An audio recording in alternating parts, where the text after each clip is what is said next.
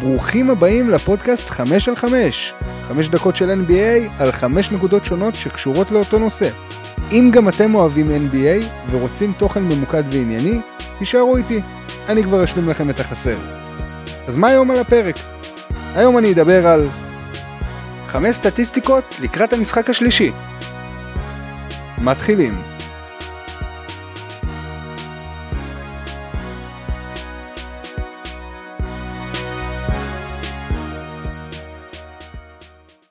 אז המספר הראשון שאדבר עליו הוא 189 וחצי.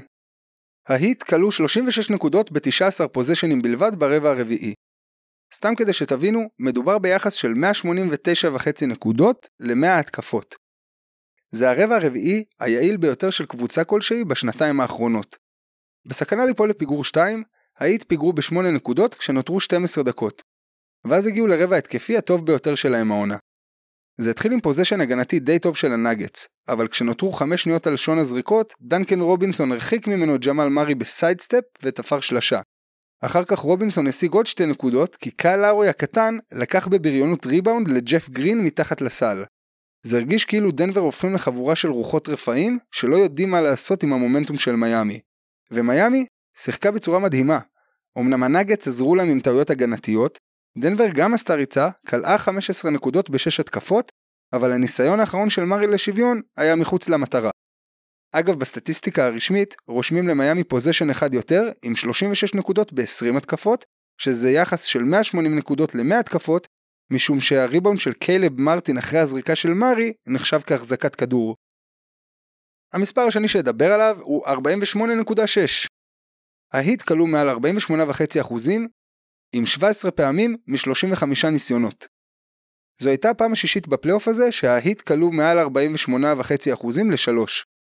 במהלך עונה סדירה הם עשו זאת בסך הכל 3 פעמים.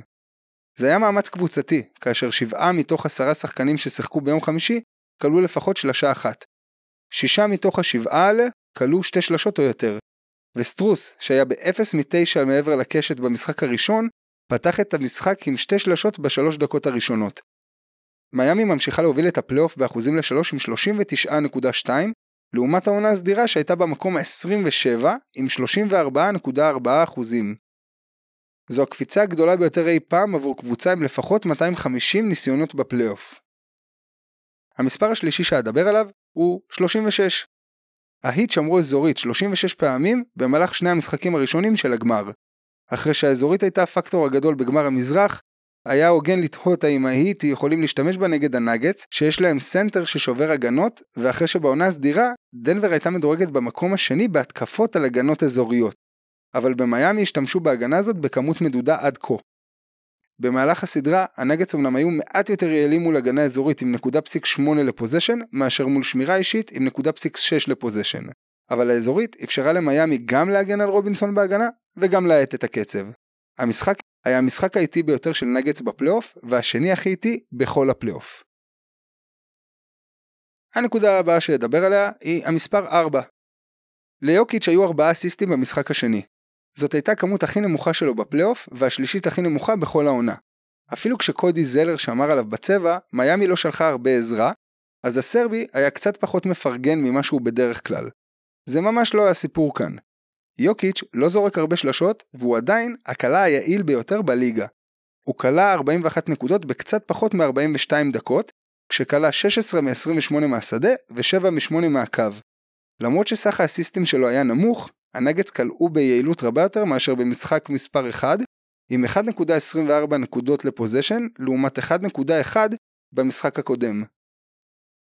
והמספר האחרון שלי להיום הוא 20 פלוס. ההרכב הפותח של ההיט גבר על הנגץ ב-20 נקודות ב-22 הדקות שלו. קווין לאב לא שותף בשלושת המשחקים האחרונים, אבל אתמול חזר להרכב הפותח ושלח את קיילב מרטין חזרה לספסל.